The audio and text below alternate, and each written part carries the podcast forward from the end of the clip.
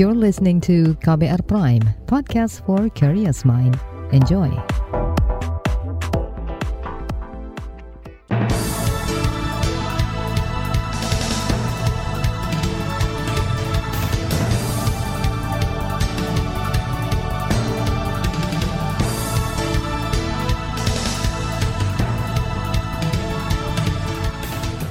Selamat pagi saudara, senang sekali kami bisa menjumpai Anda melalui program Buletin Pagi edisi Senin 21 November 2022.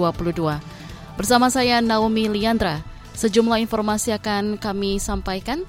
Di antaranya, pemerintah tetapkan KLB polio, kenaikan upah minimum 2023 maksimal 10 persen. Sejumlah menteri cek kesiapan pernikahan anak Jokowi di Solo. Inilah Buletin Pagi selengkapnya. Terbaru di Buletin Pagi. Kalangan anggota DPR mendorong pemerintah meningkatkan vaksinasi polio secara maksimal. Dorongan ini disampaikan anggota Komisi Kesehatan DPR Rahmat Handoyo merespons penetapan kejadian luar biasa KLB polio. Rahmat mengatakan vaksinasi harus digencarkan terutama di 30 provinsi beresiko tinggi. Selain itu, dia juga mendorong Majelis Ulama Indonesia MUI menyosialisasikan fatwa yang membolehkan vaksinasi polio pada anak. Ya, karena ini sudah menjadi kejadian luar biasa dan di potensinya adalah ada potensi sangat tinggi, saya kira ya Puskesmas, terutama kepala daerah ya, kepala daerah menjadi motor penggerak untuk mengedukasi, mensosialisasikan melalui Puskesmas, melalui kepala desa, melalui RT RW. Ayo kita data rakyat kita, anak-anak kita yang belum di uh, vaksin daksar, kita kasih tahu kalau tidak ancamannya, resikonya nanti sedih di belakang. Anggota Komisi Kesehatan DPR Rahmat Handoyo juga mendorong masyarakat menerapkan perilaku hidup bersih dan sehat, sebab virus polio menular, terutama melalui tinja dan berkembang di saluran pencernaan. Dua hari lalu Kementerian Kesehatan menetapkan kejadian luar biasa KLB polio. Penetapan ini dilakukan setelah ada temuan satu kasus polio di Kabupaten Pidi, Provinsi Aceh. Pasien tersebut belum menerima imunisasi apa pun sejak lahir. Ini merupakan penemuan pertama setelah delapan tahun Indonesia dinyatakan bebas polio oleh Organisasi Kesehatan Dunia WHO. Kementerian Kesehatan juga bakal mengoptimalkan vaksinasi untuk mencegah kasus makin meluas. Dirjen Pencegahan dan Pengendalian Penyakit, Maxi Rendrondonuwo, mengatakan vaksinasi polio akan dimulai pekan depan. Vaksinasi massal ditargetkan rampung dalam sepekan. Ini upaya-upaya yang kita sudah lakukan sampai dengan 19 November notifikasi jadi uh, dari P2P sudah membuat notifikasi catatan memang ada pelaporan ini. Kemudian investigasi kasus dan lingkungan sudah kami lakukan. Advokasi dengan uh, pemerintah daerah sudah dilakukan baik ke bupati maupun gubernur. Terakhir saya ke sana kemarin dulu ya. Dan konsultasi dengan WHO Dirjen Pencegahan dan Pengandilian Penyakit Maxiren Rondonowo menambahkan pemerintah juga memantau fasilitas kesehatan untuk mengidentifikasi kemungkinan ada kasus polio lain. Pemerintah Kabupaten Pidi, Provinsi Aceh bakal melakukan penelusuran kasus polio. Kepala Dinas Kesehatan Kabupaten Pidi Aceh, Arika Abu Bakar mengatakan bakal memeriksa anak-anak dan lingkungan pemukiman tempat tinggal pasien. Kami langsung melakukan pemeriksaan pada anak-anak yang ada di sekitar daerah tersebut di aliran uh, sungai yang ada di terdekat tempat di mana uh, si pasien ini membuang air besar di situ dan uh, ada sumber air yang digunakan oleh uh, masyarakat di situ untuk uh, masak dan air minum. Kepala Dinas Kesehatan Kabupaten Pidi Aceh Arika Abu Bakar menambahkan sebanyak 21 sampel hasil pemeriksaan telah dikirimkan ke Kementerian Kesehatan untuk dilakukan pemeriksaan lanjutan. Di pihak lain, Ikatan Ahli Kesehatan Masyarakat Indonesia IAKMI meminta pemerintah menginvestigasi temuan kasus polio di Aceh. Ketua Umum IAKMI Ede Surya Darmawan mengatakan investigasi perlu dilakukan agar penanganan kasus bisa maksimal. Dia juga menekankan agar pemerintah meningkatkan surveillance hingga imunisasi tidak hanya di Aceh, melainkan juga di daerah lain. Yang namanya polio itu selalu muncul kalau ada virus polio liar ya. Artinya virus itu ada terus pada orang, berpindah terus-menerus, tapi bisa jadi pada kasus tertentu tidak manifest ketika anaknya kuat. Tapi ketika nggak kuat, maka dia manifest muncul dan mengakibatkan sakit yang kemudian mengakibatkan lumpuh layuh atau kelumpuhan kepada anak. Ke depannya, sistem ini masih bisa diperbaiki. Nah, di sisi lain yang juga harus dilakukan perbaikan adalah cakupan vaksinasinya. Karena ini adalah penyakit yang bisa dicegah dengan vaksinasi. Ketua Umum IAKMI Ede Surya Darmawan memahami beberapa kelompok masyarakat memilih tak mengimunisasi anaknya karena memiliki keyakinan tertentu. Dia berharap tokoh agama dapat mengedukasi masyarakat. Menurutnya, pemahaman pentingnya imunisasi belum menyentuh seluruh kelompok masyarakat di Indonesia. Saudara, kenaikan upah minimum 2023 dibatasi maksimal 10 persen. Informasinya akan hadir sesaat lagi. Tetaplah di Buletin Pagi KBR. You're listening to KBR Pride, podcast for curious mind. Enjoy!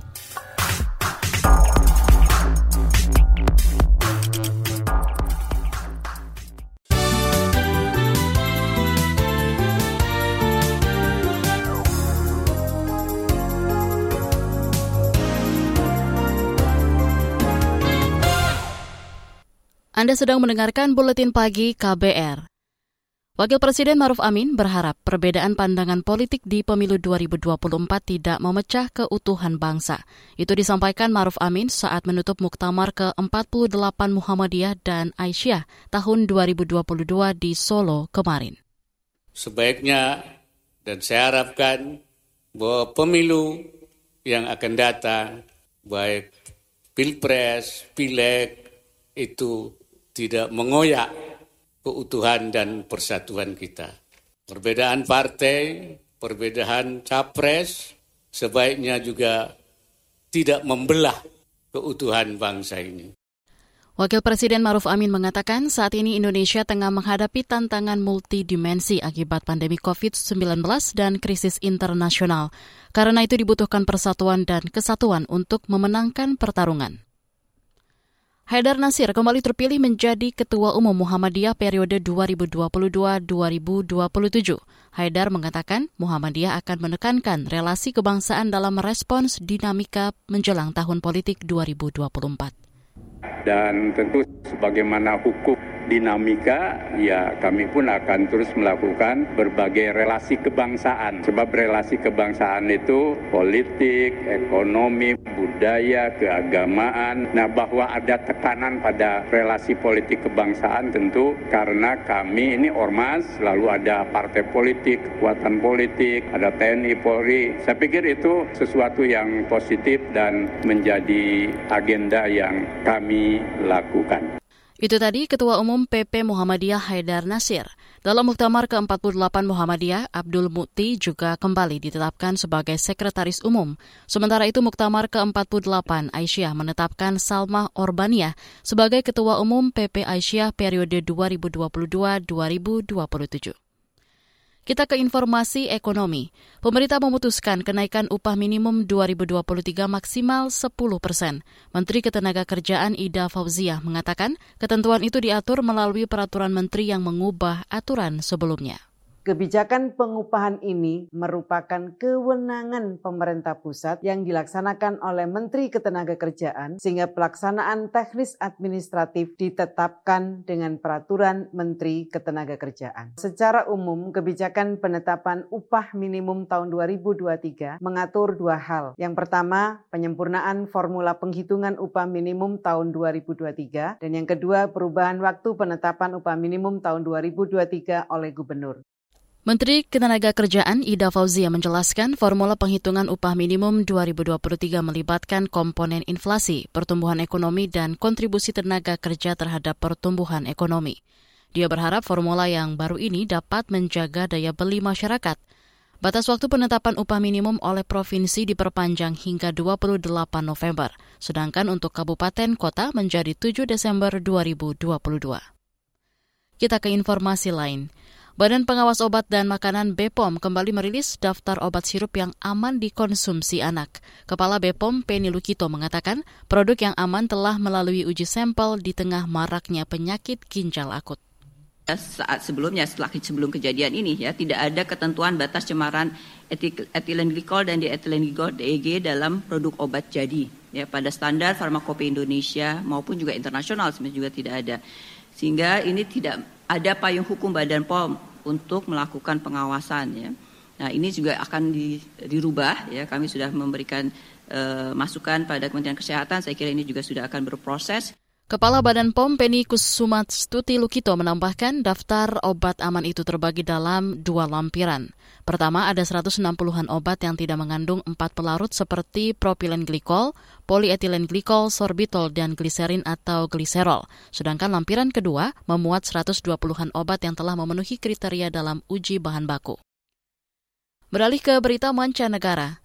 Lima orang tewas dan belasan lain luka-luka dalam penembakan di sebuah klub malam gay di Colorado, Amerika Serikat. Insiden itu terjadi pada Sabtu malam waktu setempat.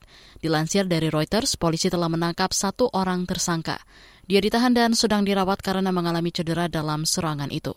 Polisi belum menyampaikan motif serangan tersebut.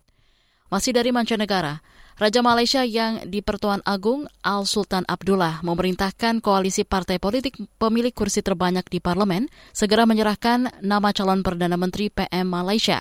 Dilansir dari CNN, nama calon harus diserahkan Senin sebelum pukul 14 waktu setempat. Malaysia mengalami parlemen gantung untuk pertama kalinya dalam sejarah usai gelaran pemilu. Parlemen gantung berarti akan ada kemandekan untuk menentukan kursi Perdana Menteri karena tak ada pemenang mayoritas dari koalisi partai peserta pemilu. Beralih ke berita olahraga. Ekuador berhasil mengalahkan tuan rumah Qatar 2-0 dalam laga pembuka Piala Dunia 2022 dini hari tadi. Dua gol Ekuador diborong Ener Valencia di babak pertama. Piala Dunia 2022 Qatar resmi dibuka di Stadion Al Bait malam tadi. Acara dibuka dengan pemutaran video resmi Piala Dunia 2022. Pada hari ini pertandingan akan menghadirkan Inggris melawan Iran dan Belanda melawan Senegal. Di bagian berikutnya kami hadirkan laporan khas KBR tentang pasar di Bali menuju zona bebas plastik bagian 1. Tetaplah di Buletin Pagi KBR. You're listening to KBR Pride, podcast for curious mind. Enjoy!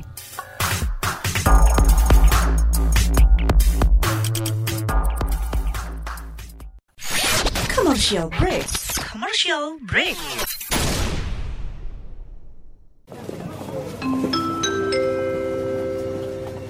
Mohon perhatian, panggilan terakhir penumpang Trending Air dengan nomor penerbangan WT0101 dipersilakan segera mendengarkan podcast What's Trending melalui Spotify. Karena podcast What's Trending sekarang ada di playlist teman perjalananmu. Selamat menikmati. Terima kasih.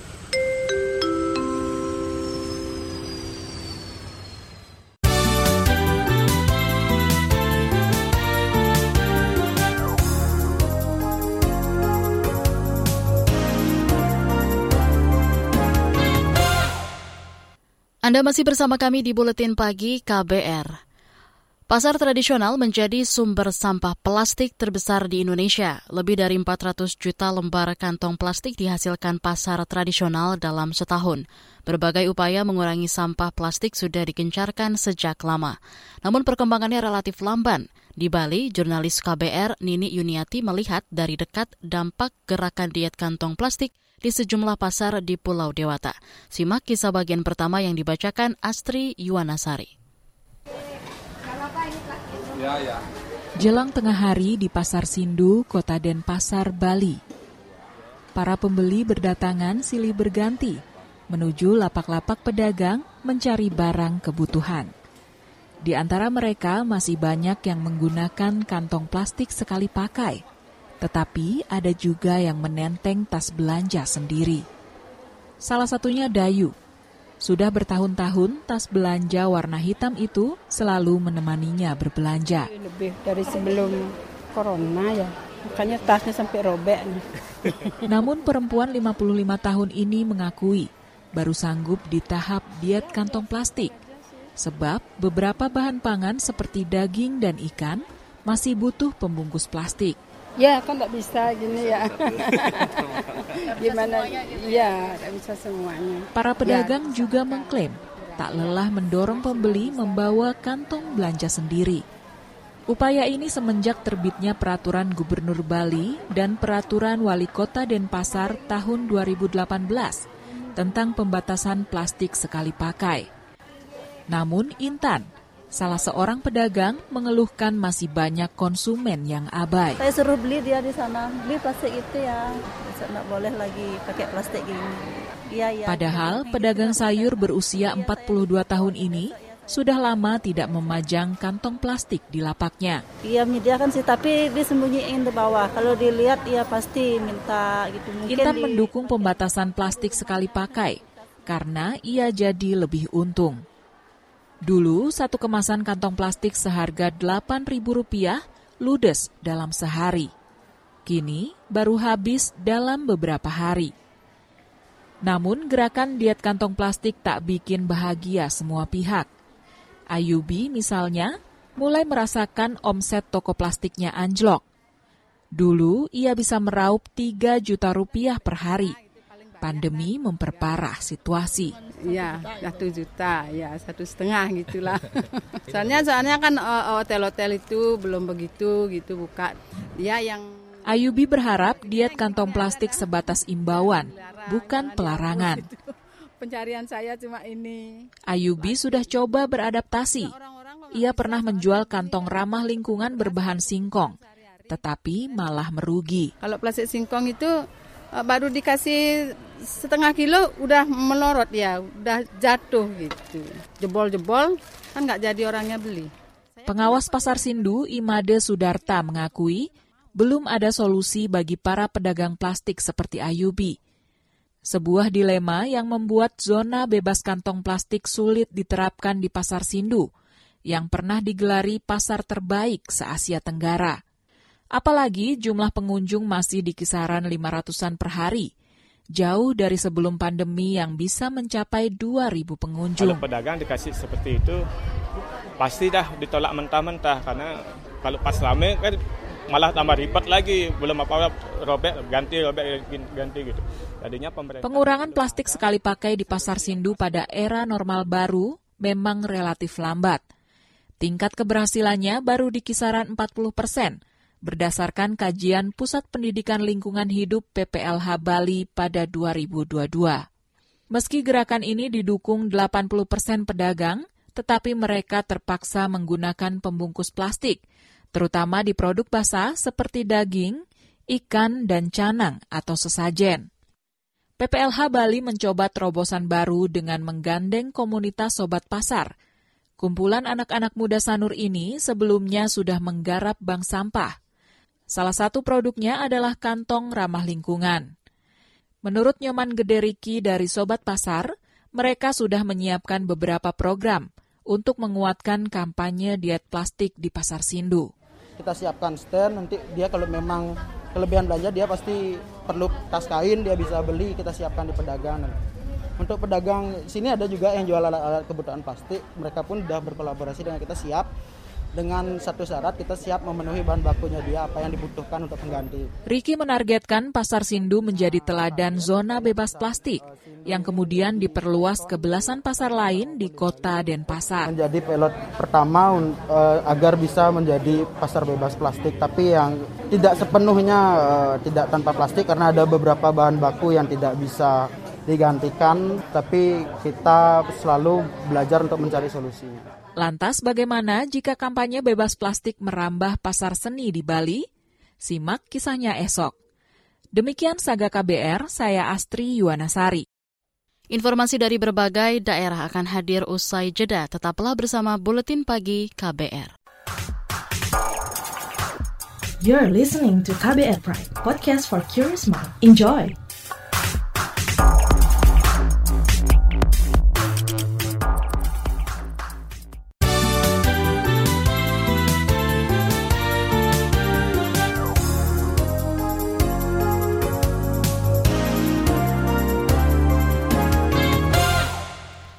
Inilah bagian akhir buletin KBR. Saudara, sejumlah menteri mengecek kesiapan pernikahan anak bungsu Presiden Jokowi, Kaisang Pangarep di Pura Mangkunegaran Solo. Salah satu yang hadir Menteri BUMN Erick Thohir mengatakan pernikahan Kaisang dengan Erina Gundono akan diberiakan dengan hiburan rakyat. Kita harus benar-benar jaga supaya semuanya baik ya. Dan alhamdulillah sendiri kesiapan dari Kemangkunegaraan yang dipimpin langsung oleh Kanjeng Gusti saya rasa sudah sangat prima. Tinggal nanti kita perbaikanlah hal-hal yang kecil. Tadi ngecek panggungnya di mana, perputaran nanti tamu di mana, masyarakat juga yang nanti juga ikut serta di mana supaya semuanya baik gitu. Jangan sampai ada acara besar malah menyulitkan masyarakat. Kaisang Pangarep dan Erina Gudono akan menikah pada 10 Desember mendatang. Akad nikah akan digelar di Yogyakarta, sedangkan resepsi dilaksanakan di Solo. Kita ke Jawa Barat. Menteri Koordinator Bidang Pembangunan Manusia dan Kebudayaan PKM Muhajir Effendi meminta pelaku perundungan di sekolah ditindak. Itu disampaikan Muhajir merespons aksi perundungan di SMP Plus Baitur Rahman Bandung. Korban dipukuli teman-temannya hingga pingsan. Hanya semua tindakan pembulian, kekerasan yang dilakukan di sekolah atau kejadiannya di bawah tanggung jawab sekolah harus ada proses hukum. Sudah ada undang-undangnya, sudah ada peraturan menterinya, eh, pokoknya harus tidak boleh diabaikan, harus diadakan tindakan. Menko PMK Muhajir Effendi menambahkan kepala daerah harus bertanggung jawab dan mengambil tindakan tegas. Aksi perundungan terjadi pada Kamis pekan lalu.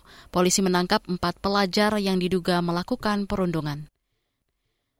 Kita ke Lampung. Kapolres Lampung Tengah Dovi Pahlevi Sanjaya memastikan masa berlaku perusahaan perkebunan sawit PT Gunung Aji Jaya masih sah. Itu disampaikan Dovi merespons aksi perusakan dan pembakaran sejumlah fasilitas perusahaan oleh masa Sabtu lalu. Ratusan orang marah lantaran masa berlaku hak guna usaha HGU perusahaan itu diduga habis. Dan hasil yang didapat bahwa HGU tersebut masih syah karena sudah diperpanjang pada tahun 2015 dan masa waktu berakhir pada tahun 2040 dan diberikan penekanan kepada seluruh jajaran Forkopimcam untuk mengedukasi masyarakat bahwa berita-berita tersebut adalah hoax atau berita bohong Kapolres Lampung Tengah Dovi Pahlevi Sanjaya mengatakan aksi anarkis massa merupakan tindak pidana. Dia memastikan bakal melakukan penegakan hukum secara profesional dan proporsional. Kita beralih ke informasi hukum. DPR meminta Presiden Joko Widodo segera mengirimkan usulan calon Panglima TNI pengganti Andika Perkasa. Andika akan memasuki masa pensiun pada 21 Desember 2022. Anggota Komisi Pertahanan DPR Sukamta mengatakan proses penggantian Panglima TNI sudah sangat mendesak. Dia berharap surat Presiden segera dikirim agar DPR tidak terburu-buru menggelar uji kepatutan dan kelayakan kirimkan kepada DPR karena mengingat beberapa kali surprise ini mendadak dan kemudian mendesak tidak ada waktu lagi bagi DPR sampai dalam kasus yang kemarin itu menggunakan hari libur untuk melakukan fit and proper. Saya kira ini kebiasaan yang tidak bagus dan kita berharap DPR ini lebih dihormati lagi lah. Itu tadi anggota Komisi Pertahanan DPR Sukamta. Saudara, saat ini ada tiga kepala staf yang berpeluang besar menjadi Panglima TNI. Tiga nama itu adalah Kepala Staf Angkatan Laut Yudo Margono, Kepala Staf Angkatan Darat Dudung Abdurrahman, dan Kepala Staf Angkatan Udara Fajar Prasetyo. Informasi tadi menutup jumpa kita di Buletin Pagi hari ini. Pantau juga informasi terbaru melalui kabar baru, situs kbr.id, Twitter kami di akun @beritaKBR, serta podcast di alamat kbrprime.id. Akhirnya saya Naomi Liandra bersama tim yang bertugas undur diri. Salam.